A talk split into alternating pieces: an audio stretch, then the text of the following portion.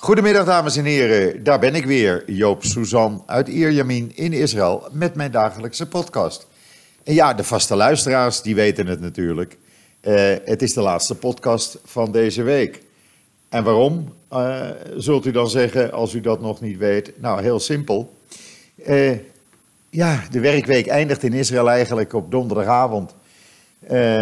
weliswaar zijn de scholen op vrijdag open, maar dat is maar een paar uur. Maar ja, bijna iedereen is vrij en uh, de Shabbat begint uh, steeds eerder natuurlijk.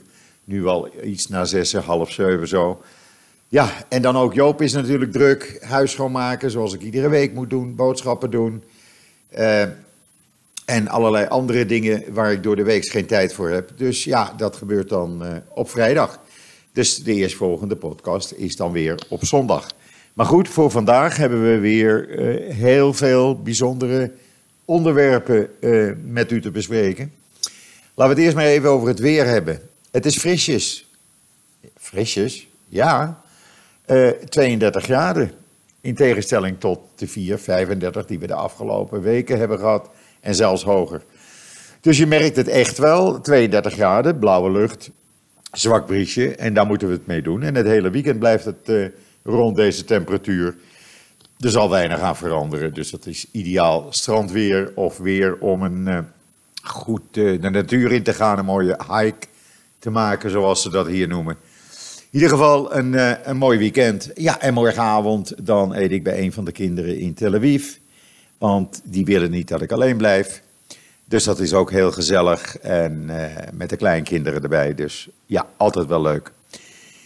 Uh, en wat is er allemaal in Israël aan de hand? Nou, als u Joods NL een beetje volgt, dan, uh, dan weet u dat natuurlijk. Uh, het begon allemaal gistermiddag.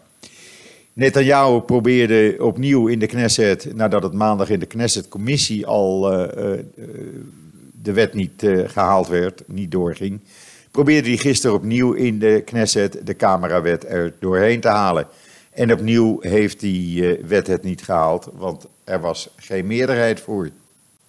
Dat kwam met name doordat uh, Lieberman en zijn partij tegenstemden, maar ook een van zijn coalitiepartijen, daar waren uh, twee leden van, van Kulanu, die tegenstemden. en dan het verhaal natuurlijk over die annexatie van de Westbank en het plan wat hij gisteren zei. Ik ga een illegale settlement, Meveot, Jericho, die ga ik legaliseren.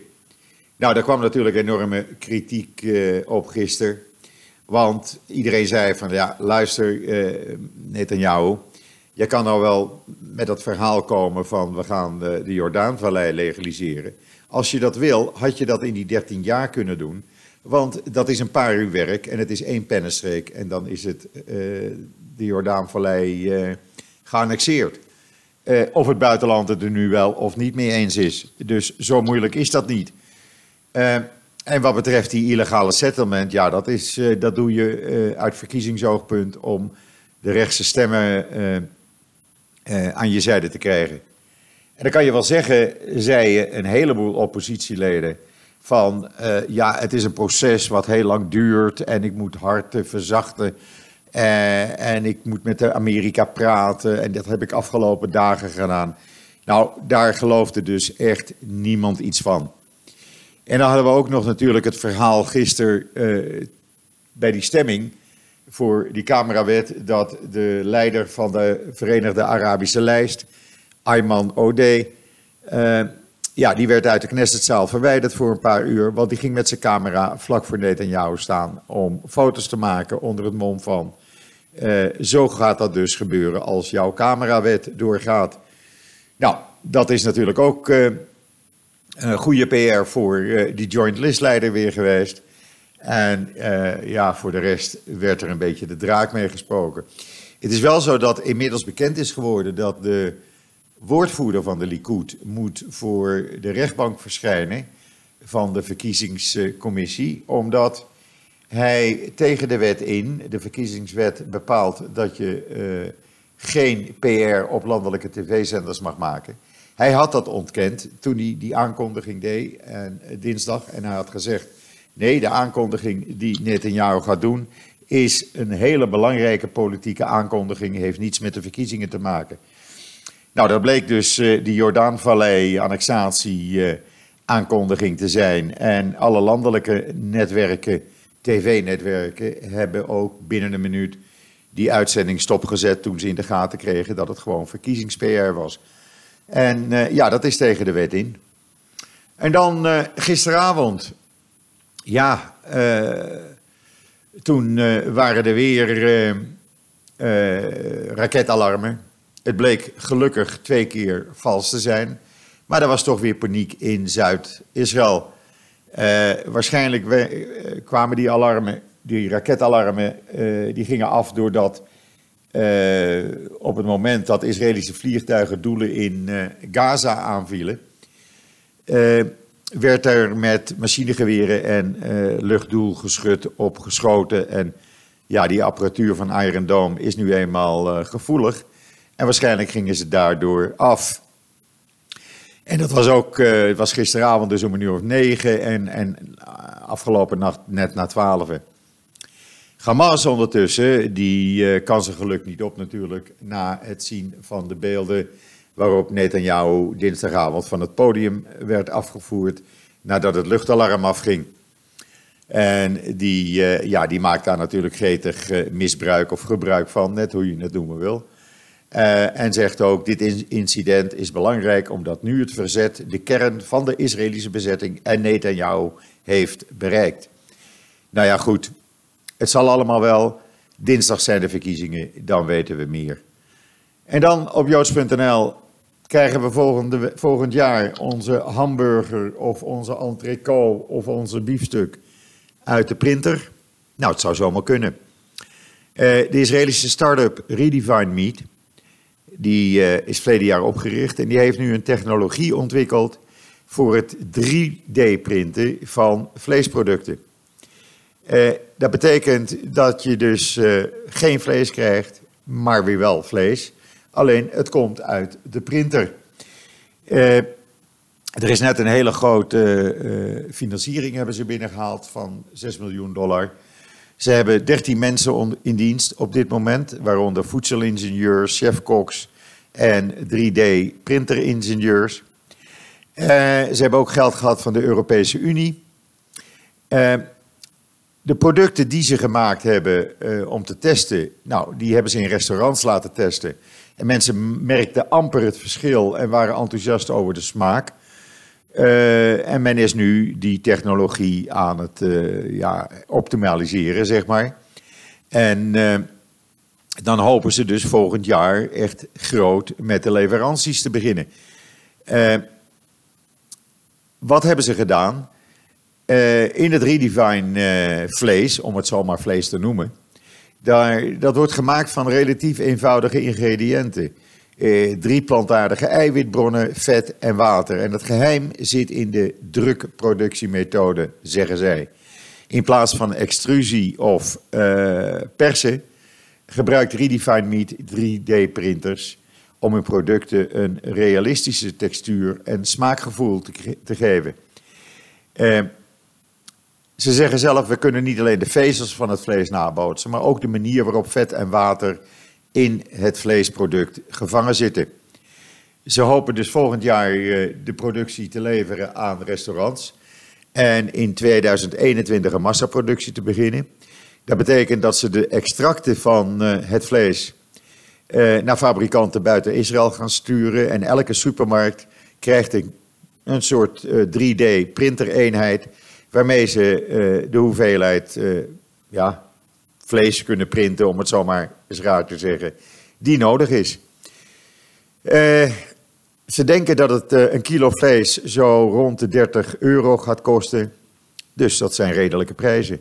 We zullen het zien. het betekent wel dat er nogal wat gaat veranderen. Maar goed, dat weten we nu eenmaal. En dan zoals gebruikelijk, ook op joods.nl op donderdag. Elke donderdag kunt u dat zien.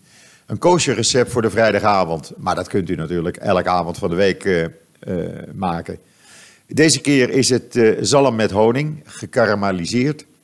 er zit een salade bij van groene appel en radijs en nou ja, van alles en nog wat. Je hebt slechts vijf ingrediënten nodig voor de zalm en vijf ingrediënten voor de salade. U kunt het allemaal zien op een video en de recepten, het hele recept, de ingrediënten en de bereiding staan op joods.nl. En dan op joods.nl het verhaal van een hoge Arabische ambtenaar in een niet nader genoemd Arabisch land. Die weet niet dat hij al vijf jaar voor Israël spioneert. Ja, het lijkt wel het scenario voor een film. Maar als u leest op joods.nl, de IDF eh, heeft vijf jaar geleden uh, iemand gestrikt, een hoge ambtenaar van een Arabisch land, die denkt dat hij voor een uh, privébedrijf werkt, gewoon een normaal bedrijf in een Europees land. En die uh, man geeft al vijf jaar lang alle, allerlei informatie tegen betaling door aan wat hij denkt het privébedrijf. Maar dat is geen privébedrijf, maar dat is de Israëlische militaire inlichtingendienst. Eh, als u het verhaal leest op joods.nl, nou, eh, een thriller kan niet beter geschreven zijn. Het is een uittreksel van een artikel wat morgen in het weekend dus in de Hebreeuwse krant Judot Aganot zal verschijnen. Eh, zodra dat er is, gaan we dat uh, ja, vertalen.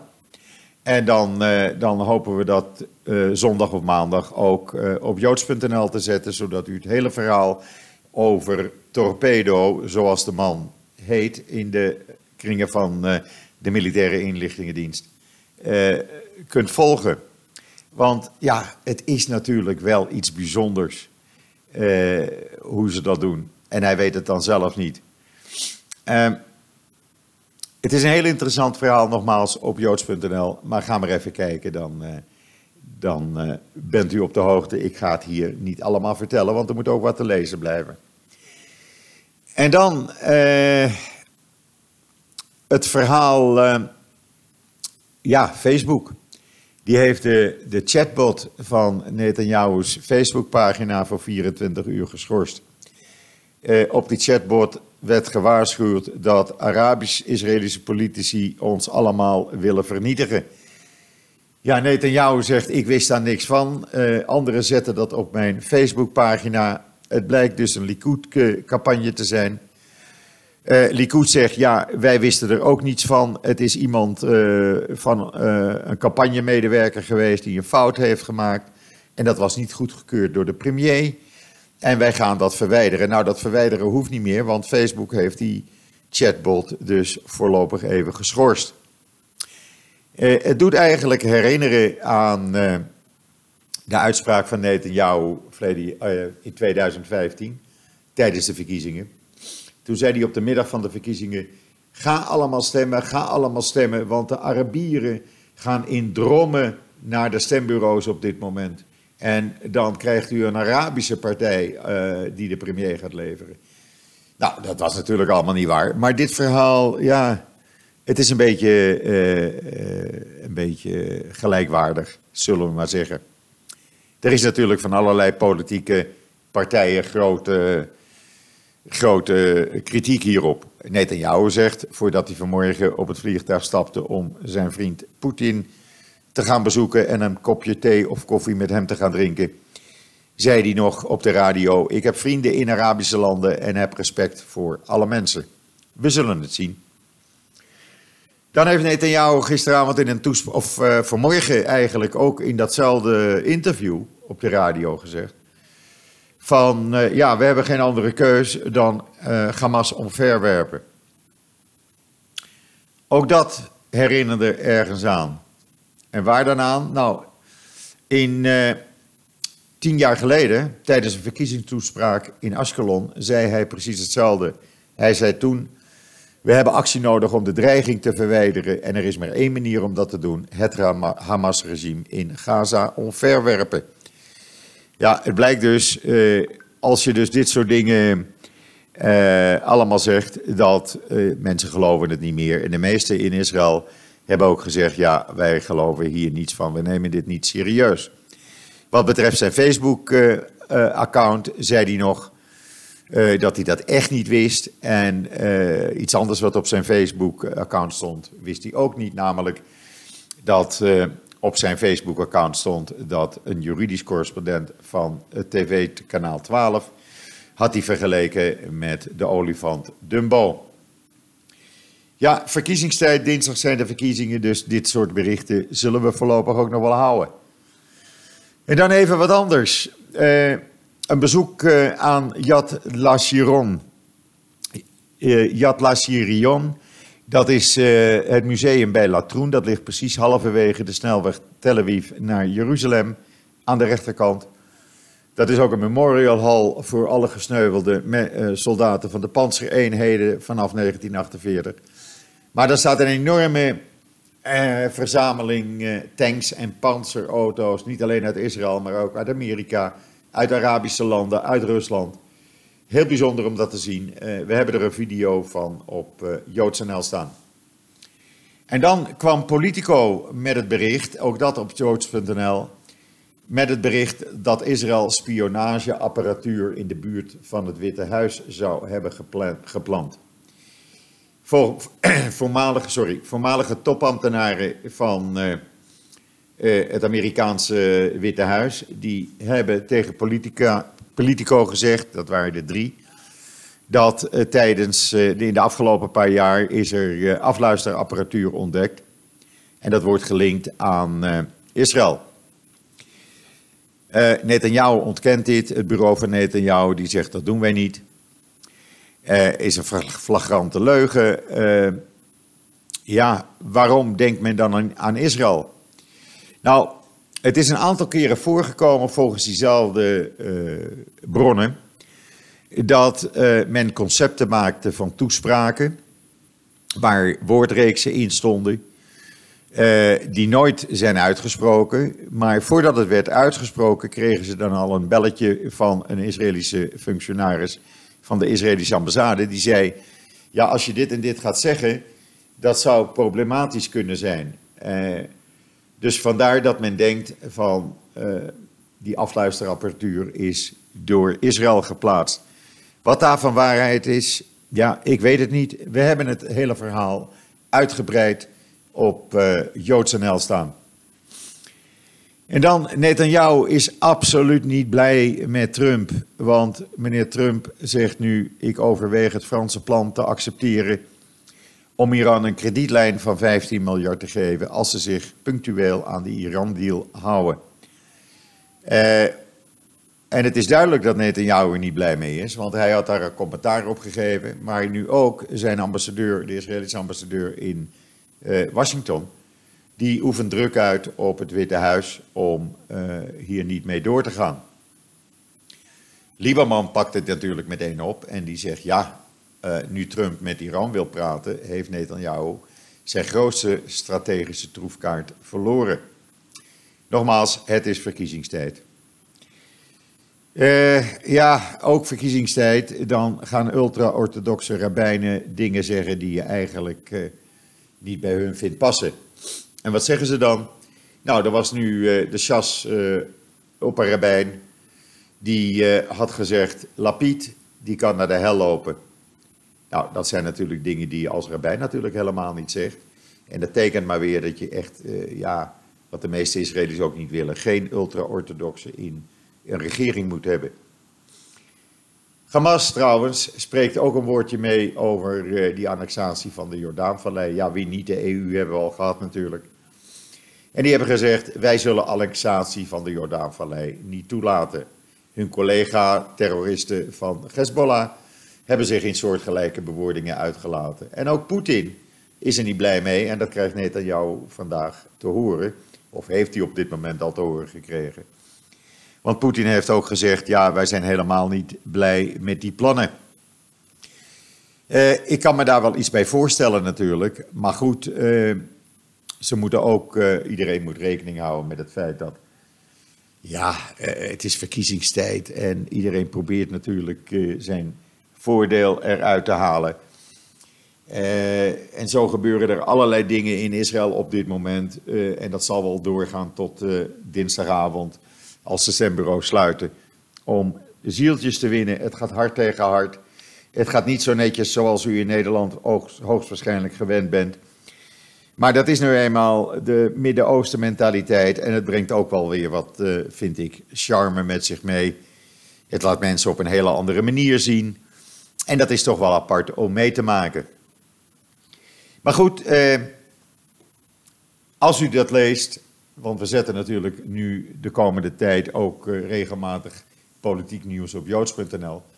Omdat het belangrijk is dat u een beetje weet van welke kant gaat het nou op en wat kunnen we nou verwachten. Wordt het Netanyahu, wordt het een unity-regering, wordt het Benny Gans, krijgen we links, eh, niemand die het weet.